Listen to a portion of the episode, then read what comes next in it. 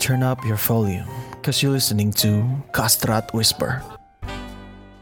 Oke, selamat datang di Kastrat Whisper atau yang biasa dikenal sebagai Casper. Nah, jadi saya Gisel selaku host pada hari ini dan tentu saja saya tidak sendiri. Di sini saya bersama rekan saya. Saya Satya selaku rekan Gisel. Oke, nah pada hari ini kita telah kedatangan narasumber yang sangat expert di bidang yang akan kami bahas. Di sini sudah ada Dr. Marta. Selamat sore, Dokter. Selamat sore. Wah, jadi pada sore hari ini walaupun ya sudah lelah ya dokter ya, tapi dokter uh, mau menyempatkan untuk hadir pada podcast pada hari ini. Terima kasih banyak sebelumnya. Nah, jadi di sini uh, saya ingin membahas mengenai yang lagi booming nih dok tentang meningitis Swiss. Nah kebetulan di Bali khususnya di Kabupaten Gianyar itu sudah terdapat korbannya dan terhitung di seluruh Bali itu terdapat 38 korban uh, penyebab yang sudah terinfeksi meningitis Swiss tersebut. Nah, dari dokter mungkin mengetahui uh, bagaimana sih proses penyebaran ataupun uh, bagaimana seorang itu bisa terkena meningitis Swiss tersebut. Mungkin dokter bisa menjelaskan sedikit secara singkat. Oke, ya terima kasih untuk uh, pertanyaannya. Ini isu yang sangat menarik ya untuk saat-saat ini. Jadi sebenarnya hmm, apa sih meningitis Swiss itu gitu ya? Awalnya kita mau bicara itu sedikit ya. Jadi seperti namanya, meningitis itu suatu penyakit peradangan yang terjadi pada selaput otak ya atau yang disebut dengan meningen. Ya. Jadi meningitis sendiri atau penyakit ini itu bisa disebabkan oleh berbagai jenis organisme, mulai dari bakteri, virus, bahkan jamur ya. Dan yang disebut meningitis Swiss itu adalah penyakit peradangan otak atau meningen yang disebabkan karena bakteri yang namanya adalah Streptococcus suis. Karena itulah nama penyakit ini adalah meningitis Swiss gitu ya. Jadi uh, penyakit ini disebabkan oleh bakteri yang menginfeksi tubuh manusia melalui konsumsi daging atau darah dari hewan tertentu dalam hal ini adalah babi. Karena itulah penyakit ini terjadi di Bali karena uh, budaya masyarakat Bali itu kadang mengkonsumsi uh, daging babi dalam hari ini produk yang lain ya biasanya darah babi gitu ya dicampur dalam sayur dalam kondisi yang belum matang. Jadi bakteri yang mengkontaminasi makanan ini dapat masuk melalui mukosa maupun tangan orang yang terluka saat mengelola produk makanan ini sehingga menyebabkan penyakit. Jadi begitu ya singkat secara singkatnya. Oke, uh, terima kasih dokter untuk penjelasan awalnya dokter. Nah, uh, terkait dengan beberapa penyebab tadi yang dokter sebut, uh, sempat sebutkan yaitu bakteri, virus juga atau uh, jamur. Jika kita melihat dari gejala-gejala pasien yang meningitis sekarang, apakah terdapat perbedaan signifikan antara gejala-gejala dengan penyebab meningitis lainnya, dokter? Oh, oke. Okay. Bedanya ya. ya Jadi secara umum meningitis itu mempunyai gejala yang hampir mirip. Pertama demam. Tapi tidak semua demam itu meningitis ya. Demam disertai dengan sakit kepala yang biasanya berat. Kemudian ada mual muntah serta penurunan kesadaran atau gangguan dari syaraf seperti gangguan bicara, kelemahan separuh tubuh dan sebagainya. Nah, tapi pada meningitis Swiss itu didapatkan bahwa lebih dari setengah kasus pasien-pasien yang mengalami meningitis Swiss itu mengalami gangguan pendengaran. Ya, gangguan pendengaran ini uh, nantinya jika pasien ini bertahan ya hidup selamat gitu ya sembuh bisa menjadi permanen gangguan pendengarannya. Ya, ini yang cukup khas sebenarnya dari meningitis Swiss. Tapi tidak semua pasien meningitis Swiss itu pasti mengalami gangguan pendengaran. Demikian pula sebaliknya tidak semua gangguan pendengaran disebabkan oleh meningitis, meningitis Swiss. Tapi sebagaimana halnya seperti waktu COVID itu ya, kalau ada gangguan penciuman, hilang rasa, kita berpikir ke sana. Demikian pula dengan meningitis Swiss. Kalau ada pasien dengan demam, sakit kepala, menurun kesadaran, ditambah dengan gangguan pendengaran, kita mulai berpikir, oh mungkin penyebabnya ini ditambah dengan menggali informasi dari pasien. Apakah pasien tersebut pernah atau uh, mengkonsumsi atau bersentuhan dengan daging babi atau darah babi tanpa menggunakan pelindung tangan, begitu ya. Oke. Okay. Okay. Uh, eh, berkaitan juga tadi dengan penjelasan dokter yang mengenai pengurangan kemampuan pendengaran dokter ya untuk gejalanya. Yeah. Nah, uh, di beberapa artikel yang saya baca juga dan teman-teman mungkin ketahui beberapa komplikasi dari meningitis ini akan berakhir ke, ke ketulian dokter ya dari yeah. uh, komplikasinya. Nah, uh, komplikasi tersebut apakah selalu akan terjadi pada penderita meningitis dengan berbagai macam penyebabnya atau memang klasik pada meningitis Swiss saja dokter komplikasinya itu? Iya, oke. Okay. Jadi meningitis Swiss ini sendiri jika terdiagnosis ya, uh, diagnosisnya selain dari yang tadi saya sebutkan ya dari pemeriksaan fisiknya juga dari pemeriksaan penunjangnya melalui cairan tulang belakang. Ini juga uh, dari gejala gejala-gejala tadi ya jika terdiagnosis itu kemampuan dia untuk pasien untuk bisa bertahan atau uh, maaf kebalik ya kalau ke, uh, komplikasinya ini bisa menyebabkan dia meninggal dan biasanya kasus atau case fatality rate-nya itu mencapai hingga 23 persen, 6 sampai 23 persennya meninggal gitu ya. Lah yang yang bisa bertahan sisanya ini itu sebagiannya kemungkinan yang memang sudah mengalami gangguan pendengaran saat terjadi penyakit itu bisa menjadi menetap gitu ya. Hmm, ya. Tapi kembali lagi saya bilang, walaupun seringnya seperti itu, tapi tidak semua se menjadi gangguan pendengaran. Demikian pula sebaliknya, yang ada gangguan pendengaran belum tentu 100% meningitis Swiss, tapi biasanya memang identik dengan meningitis meningitis yang disebabkan oleh Streptococcus suis ini. Hmm. Ya, jadi cukup khas ya. Ya, cukup khas. Ya. Uh, baik, uh, jadi di sini saya ingin bertanya nih dokter nih, kan masyarakat tuh pada was-was ya dokter ya, apakah uh, penyakit ini bisa menular atau tidak nih dokter? Karena masyarakat juga tidak tahu apakah dengan mengkonsumsi babi itu langsung terkena atau bisa tertular dari orang lain. Oh iya, oke. Okay. Iya, jadi meningitis Swiss ini termasuk golongan penyakit zoonosis. Kalau kalian pernah dengar ya, jadi zoonosis itu penyakit yang ditularkan melalui kontak dengan hewan, gitu ya. Jadi ada yang dari nyamuk, gitu ya, pada umumnya ada yang dari makanan, gitu ya, daging hewan. Lah ini yang dari daging hewan atau dari produk yang lain dari hewan tersebut. Jadi daging, uh, mungkin mm, organ, mungkin darah yang dalam kondisi mentah itu terkontaminasi. Jadi babinya sendiri itu sakit gitu ya. Kemudian disembeli saat dikelola, dia berkontak dengan tangan dari pengelolanya yang mungkin punya luka. Karena itu menggunakan sarung tangan pada pengelolaan daging babi itu jika jika di daerah tersebut terjadi sebuah kasus ya, itu sangat penting.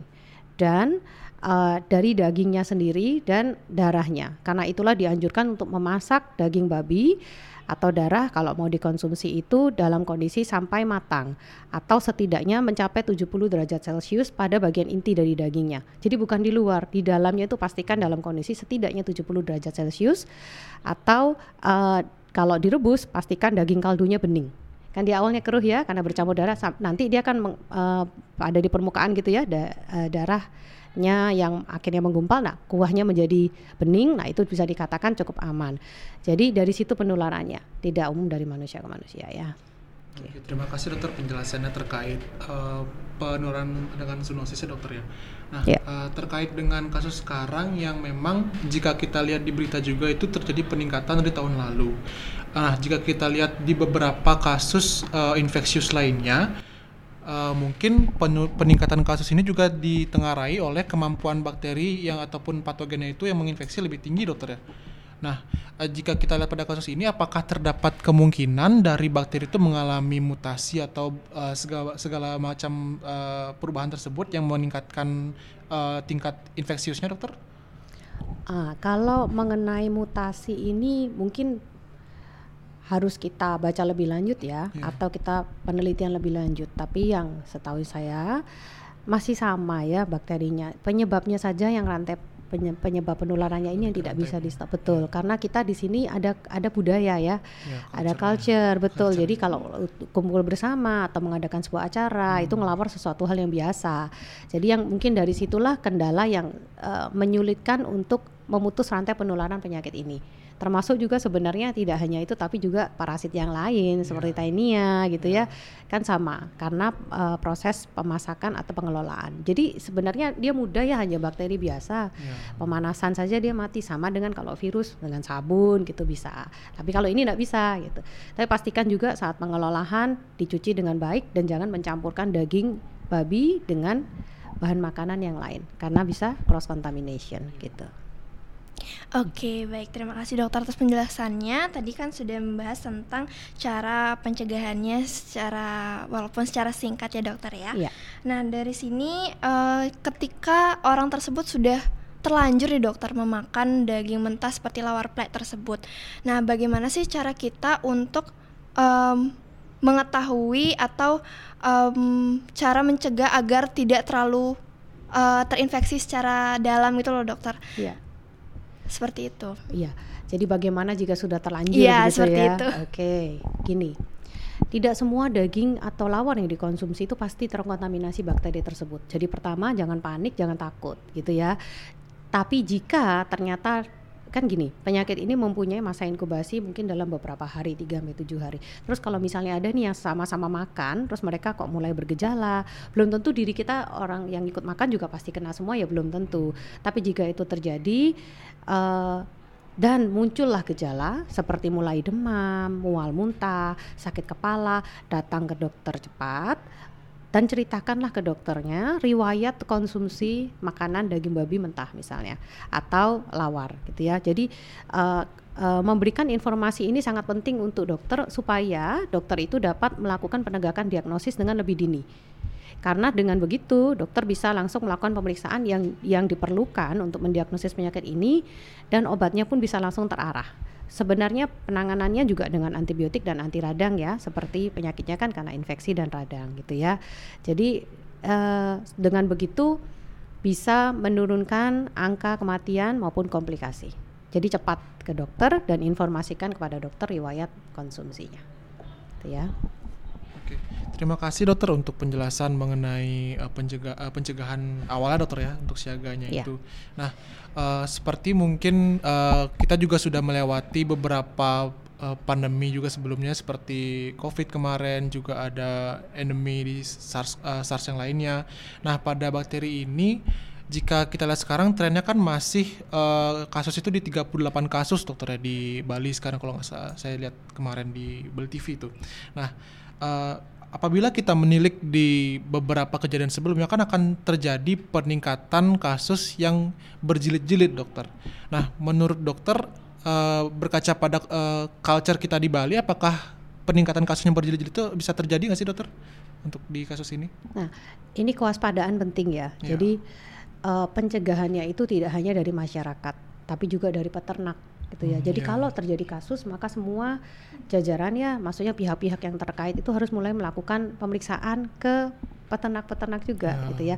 Jadi kandang babi itu tidak boleh terlalu banyak isinya, ventilasinya harus bagus, kemudian uh, harus dalam kondisi sehat. Jadi jangan kelihatan babinya sakit langsung dipotong yeah, gitu benar. kan. Itu kan yang meresiko meresikokan pembeli atau orang yang akan mengkonsumsi gitu ya. Dan uh, kembali lagi, jadi karena penularannya dia tuh tidak seperti melalui udara airborne gitu ya. Ini kan kelihatan gitu ya. Jadi yang bisa dilakukan adalah kesadaran dari masyarakat dan bagaimana kita meningkatkan pengetahuan masyarakat untuk melakukan pencegahan dari diri mereka sendiri. Masak yang matang, hindari makanan yang um, seperti lawar gitu ya. Mungkin lawarnya matang lah ya dalam kondisi iya, sekarang.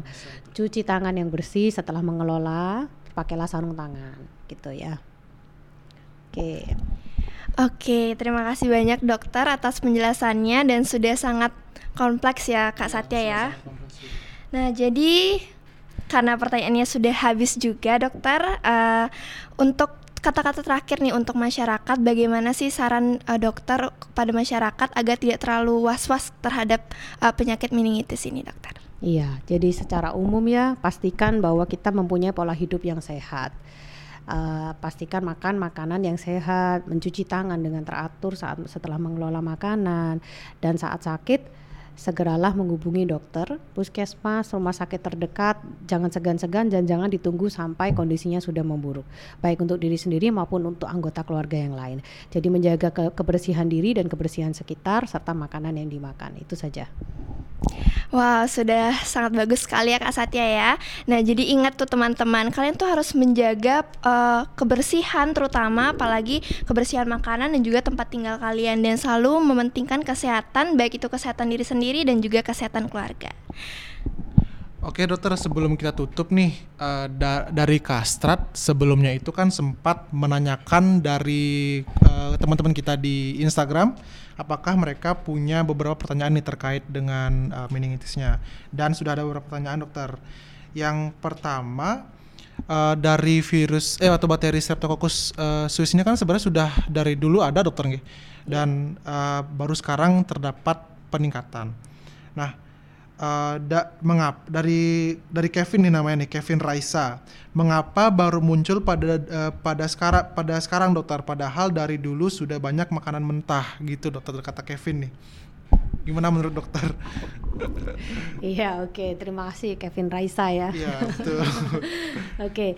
Iya, bakteri bakteri ini sudah ada lama gitu ya. Tapi seperti yang kita ketahui juga ya. Jadi semua bakteri itu tidak uh, gini. Jadi mereka itu ada ada tempatnya masing-masing gitu ya. Iya. Jadi ada bakteri lingkungan, hmm. ada bakteri yang ada di hewan. Mereka tuh tidak selalu patogen gitu ya. Yeah. Mereka tuh bisa hanya tinggal di sana. Tapi kalau mereka salah host, hostnya dalam kondisi sakit, jadilah agent itu kan infeksi tiga nih ya yeah. segitiganya ya agent host environment house gitu ya yeah.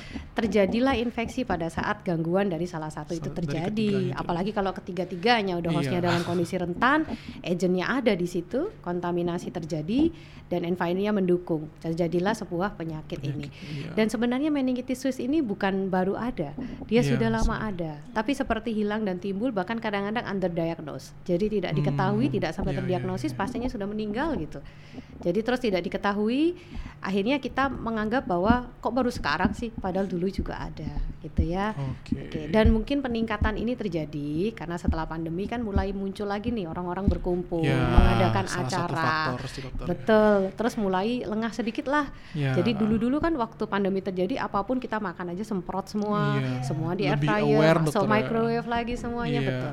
Jadi lebih aware mungkin dengan dari sana itu kita memang ada baiknya ya kita dari melalui pandemi kita belajar untuk uh, menciptakan sebuah pola hidup yang sedikit lebih sehat lah. Hmm, ya gitu. Cuci okay. tangan aja setidaknya. Iya iya. Benar sekali dokter ya. Okay. nah Kevin Raisa sudah terjawab ya Kevin ya. Sekarang kita bakal moving on ke pertanyaan kedua nih. Dua uh, pertanyaan terakhir dari Manik. Uh, Manik bertanya apakah kasus meningitis uh, pure karena konsumsi daging babi saja dokter? Karena di daerah lain yang mengonsumsi babi juga belum ada kasus serupa dokter Oke, okay, ya.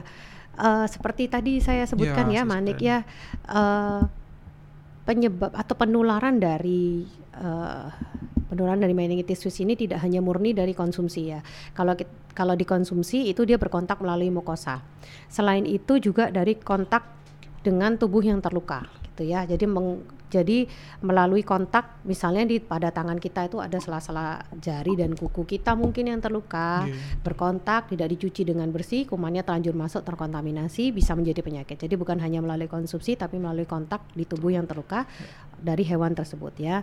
Uh, dan kenapa kok di daerah lain makan babi tidak apa-apa ya? Karena kebetulan di sana tidak ada kontaminasi. kontaminasi betul. Ya, jadi betul. bakterinya tuh kebetulan tidak ada yang lagi di hmm, sana hmm, gitu. Ya, ya, Kalau ya, misalnya ya. muncul satu babi kemudian babi berikutnya tertular tertular ke ah, sebelah sebelahnya ya mungkin bisa menjadi mungkin wabah bisa, juga iya. di sana gitu. Uh -uh. Dan inilah tujuannya kita menstop ya. Jadi yeah, cukup betul. di satu daerah, jangan sampai daging babinya dibawa terus kemudian ke mana-mana gitu ya. Hmm. Karena satu dua cepat, kalau menular melalui yeah. hewan pun cepat. Dan kita bisa kontrol nih hewan. Iya yeah. ya, bisa kontrol. Ngapain aja dia. Ya. Iya.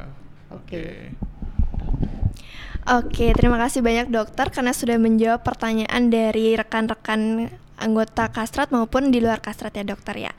Nah, tidak terasa ya dokter ya uh, waktunya sudah sudah berakhir dan langsung saja kita tutup ya Kak Satya ya. Iya betul sekali. Karena semua sudah terjawab dan teman-teman jangan lupa untuk didengarkan podcast pada hari ini dan saya Gisel. Saya Satya. Pamit undur diri, sampai jumpa. Sampai jumpa. Hai, selamat datang di Casper. Casper adalah sebuah podcast inisiasi dari sekelompok orang dalam suatu departemen yang tertarik untuk mengulik suatu isu dan melalui podcast ini kita akan menyampaikan hal-hal yang perlu kamu ketahui dan mungkin relevan dengan kehidupanmu. Cause we're gonna talk about something secret. So keep it close, raise your volume, and listen to Custard Whisper.